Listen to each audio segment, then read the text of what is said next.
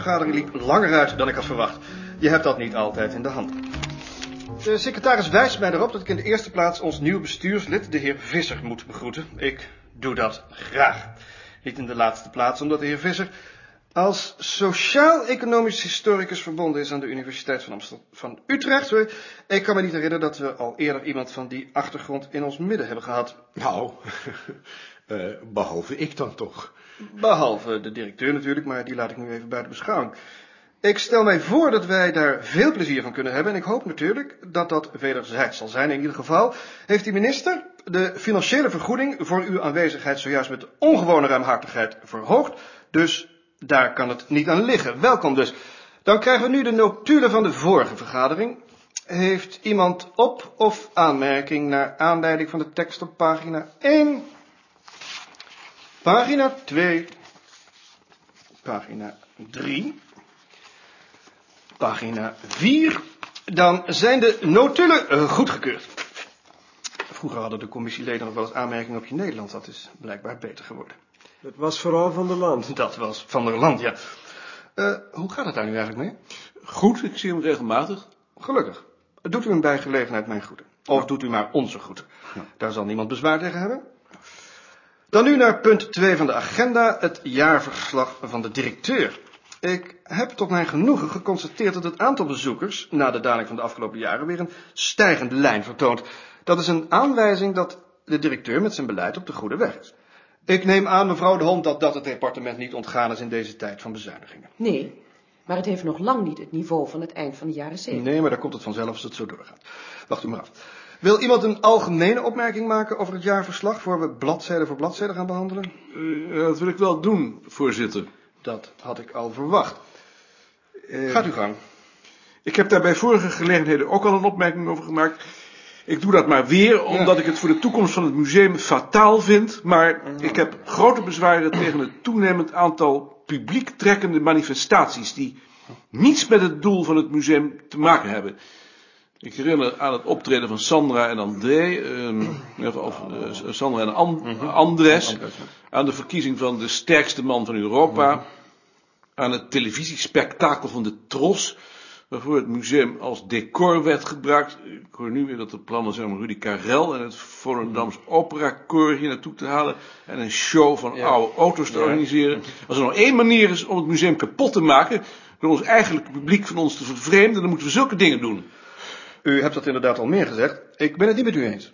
Ik voorzie dat we het museum ook kapot maken als we al te kieskeurig zijn, maar het is misschien interessanter om te horen wat de directeur daarop te zeggen heeft. Uh, graag, uh, voorzitter. Um, mag ik er dan misschien op wijzen, wat u al opgemerkt heeft, dat de bezoekcijfers eindelijk weer omhoog gegaan zijn. En uh, ja, dat zegt toch wel wat. Dat is vooral te danken aan dergelijke drempelverlagende evenementen. Ze zijn mijn persoonlijke voorkeur ook niet, maar ze trekken wel een publiek dat hier anders nooit komt. En ja, daar moeten we het toch van hebben als we het aantal bezoekers omhoog willen hebben. Maar waar moeten we het aantal bezoekers met alle geweld omhoog brengen? Ik herinner nog met afgrijzen het eind van de jaren 70, toen we bijna 600.000 bezoekers per jaar hadden. Er waren dagen dat je over de hoogte kon lopen. Museum is daar totaal niet op berekend. Het is dat het departement zo gebiologeerd is geraakt door de bezoekcijfers, omdat het het enige is wat ze kunnen meten. Vroeger werd er nooit aandacht aan besteed. Laten we de hemel danken dat het er nu nog maar 400.000 zijn. Wat mij betreft mag het ook terug naar 200.000. Die aantallen zijn toch geen maatstaf? Voorzitter, meneer Visser. Misschien moet ik nog wennen aan de cultuur in dit gezelschap, maar zoiets heb ik nog nooit gehoord. Ik dacht toch dat een museum zoveel mogelijk bezoekers moet zien te trekken. Wat is het doel anders? Het doel is om een kwalitatief hoogwaardig product te leveren. Formaat. Ja, ja. Uh, ik vind dat nu juist in de directeur te prijzen, voorzitter, dat hij probeert om zich aan te passen aan de veranderende smaak van het publiek, nu gebleken is dat de oude formule niet meer werkt. Vroeger kwamen hier mensen die zelf nog in zo'n boerderijtje gewoond hadden. Dat is niet meer. Die tijd is er voorbij. De mensen herkennen niet meer als iets van vroeger.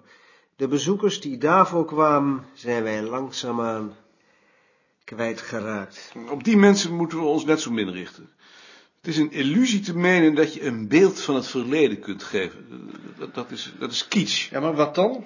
Kunt u eens een voorbeeld geven van het beleid dat u voor ogen staat? Ik kan daar natuurlijk honderden voorbeelden van geven. Eén is genoeg.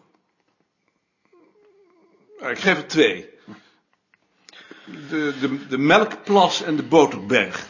Dat zijn actuele problemen waar de kranten regelmatig over schrijven. Niemand heeft een oplossing.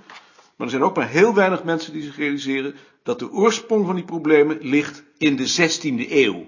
Of eigenlijk al in de 9e, maar, nou, maar laten we zeggen de 16e. Toen de boeren in het Westen zich uit bittere armoede gingen specialiseren en voor hun producten een markt zochten. Die specialisatie heeft zich voortdurend verfijnd. Verschillende crises, de veepest, de graancrisis om er een paar te noemen, hebben de boeren gedwongen zich aan te passen. Die beslissingen kunnen we individualiseren door ze in de verschillende boerderijen op het terrein zichtbaar te maken, gekoppeld aan een bepaalde bewoner in een bepaalde periode. Dat kan met grafieken, videobeelden, foto's, tekeningen, biografische bijzonderheden, met als eindpunt de zuivelfabriek die we straks op het terrein krijgen. Als het departement daar tenminste geld voor geeft. Zo'n aanpak geeft aan zo'n actueel probleem historisch perspectief. De bezoeker kan zich bovendien identificeren en dat kan dan weer elektriserend werken. Het geeft inzicht in het ontstaan van het probleem en daarmee ook het vertrouwen dat het is op te lossen. Bijvoorbeeld door de spiraal waarin we terecht zijn gekomen te doorbreken. Dat is de taak van een museum als het onze. Nou, als ik eh, meneer Koning zo hoor, dan vraag ik me af of ik op zondagochtend nog wel met mijn zoontje naar het museum kan. Dat hangt af van zijn opvoeding. Ik ben het voor 90% met de heer Koning eens. Maar waar haal ik de mensen vandaan om zoiets te realiseren? Nou, misschien heeft meneer de koning er ook nog wel eens een oplossing voor. Ik kan me voorstellen dat we zoiets gezamenlijk doen. De staf van het museum en de mensen van mijn bureau. Dan kunnen jullie dat dan niet eens gezamenlijk bespreken? Eh, na afloop? Daar komen ze aan hoor. Ja, inderdaad. De vier mensen. Zijn het er vier? Ja, ze zijn nog bij elkaar. Alle vier. Niester, Ruitenberg, Kooiman en Van Bentum. En eens even kijken wie er op kop zit. Dat lijkt me Ruitenberg. Die zit op kop. Tweede positie zat Niester. Dan Kooiman. En dan Van Bentum. En zo komen ze hier door in Smitshuizen. En nu gaan ze op weg naar Bartleheim. En wij gaan er als een raket achteraan. Dag meneer Drever, tot de volgende keer. Dankjewel voor je bijdrage aan de discussie. Ik vond die zeer de moeite waard. Ja. Mevrouw, heren. Mr. Wanneer wou je daarover praten? Eh, ik heb beloofd om mevrouw Wout en de heer Mandjes naar het station te brengen.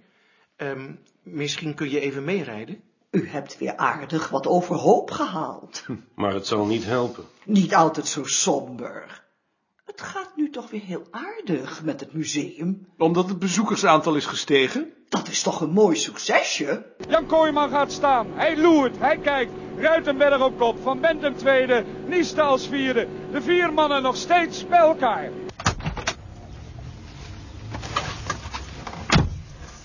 Eh, hoe wou je dat nou doen? Als ik nou eens begon om met mijn mensen een bezoek aan het museum te brengen, dan kunnen jouw mensen ons rondleiden. Achteraf kunnen we daarover discussiëren. En dan blijkt wel of dat klikt. Maar eh, laten we daarmee dan wachten tot het najaar. Dan hebben we weer wat tijd. Natuurlijk. En nog steeds het viertal bij elkaar. Kooiman nu even in laatste positie. Ruitenberg op de eerste plaats. Niesten op de derde. Van Wetten twee. Het waait weer wat uit. En daar komen ze richting de finish. Ze zijn heel dichtbij nu. Het zijn de laatste 100 meters. En Ruitenberg is het. Of is het Van Bentum? Het is Ruitenberg of Van Bentum. Dat lijken de twee op het ogenblik. En wie wordt het? Wie wordt het? Het is Van Bentum. Het is Evert van Bentum. 26 jaar oud. En ga maar naartoe, Govert. Jij hebt hem.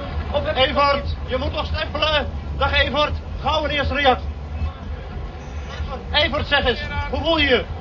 Geef eens een reactie, Evert. Ja, maar door Jos. Ben je kapot? Gauw. Evert, Even Evert. zitten dan, eh, rustig allemaal. eh. Evert van Bentum. Evert, Oh, de winnaar van de Elfstedentocht 85. Evert, geef eens een reactie. Evert, Evert. Evert. Evert, roep eens wat.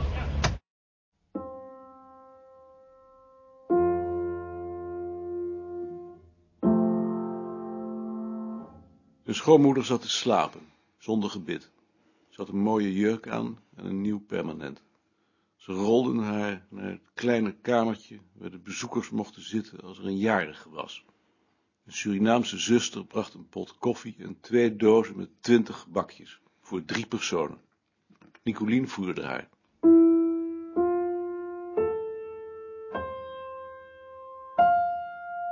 Hij las de groene die hij had meegebracht. Toen hij daar genoeg van had, keek hij naar buiten. Naar de stille sloot met aan de overkant de tuinmanswoningen. De witte kassen daarachter, met ertussen een enkel schuurtje. En daar weer achter een weg met bomen, waar langs auto's reden in een grijs, koud voorjaarslicht. In de sloot zwommen wat eenden, twee vrouwtjes en vijf mannetjes. Een van de mannetjes joeg een medeminnaar weg. Deze zwom met een grote boog terug en voegde zich bij het andere paardje, die allebei met hun achterwerk omhoog en trappelende rode poten stonden te grondelen. Hij verwachtte een nieuw conflict, maar toen de man boven water kwam, gebeurde er niets. Ze zwommen met z'n drie een beetje rond, in goede harmonie. Merkwaardig. Zo kon het blijkbaar ook. Intussen was het middageten voor zijn schoonmoeder gekomen. Nicolien had juist een derde gebakje gevoerd en ging nu meteen over op spinazie met gehakt en puree. Het gezicht van zijn schoonmoeder zat vol eten, tot onder haar ogen. Ze at geluidloos door, de ene hap na de andere, en af en toe door elkaar koffie, melk en later yoghurt. Voor hen was er een kop soep. Terwijl ze die oplepelde, viel zijn schoonmoeder in slaap.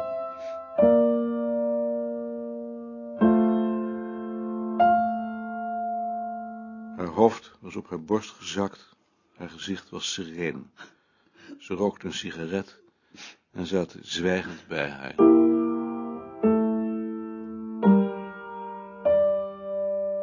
Toen ze weer wakker werd, begon ze te huilen. Nicolien probeerde haar te troosten, maar het huilen werd erbarmelijk.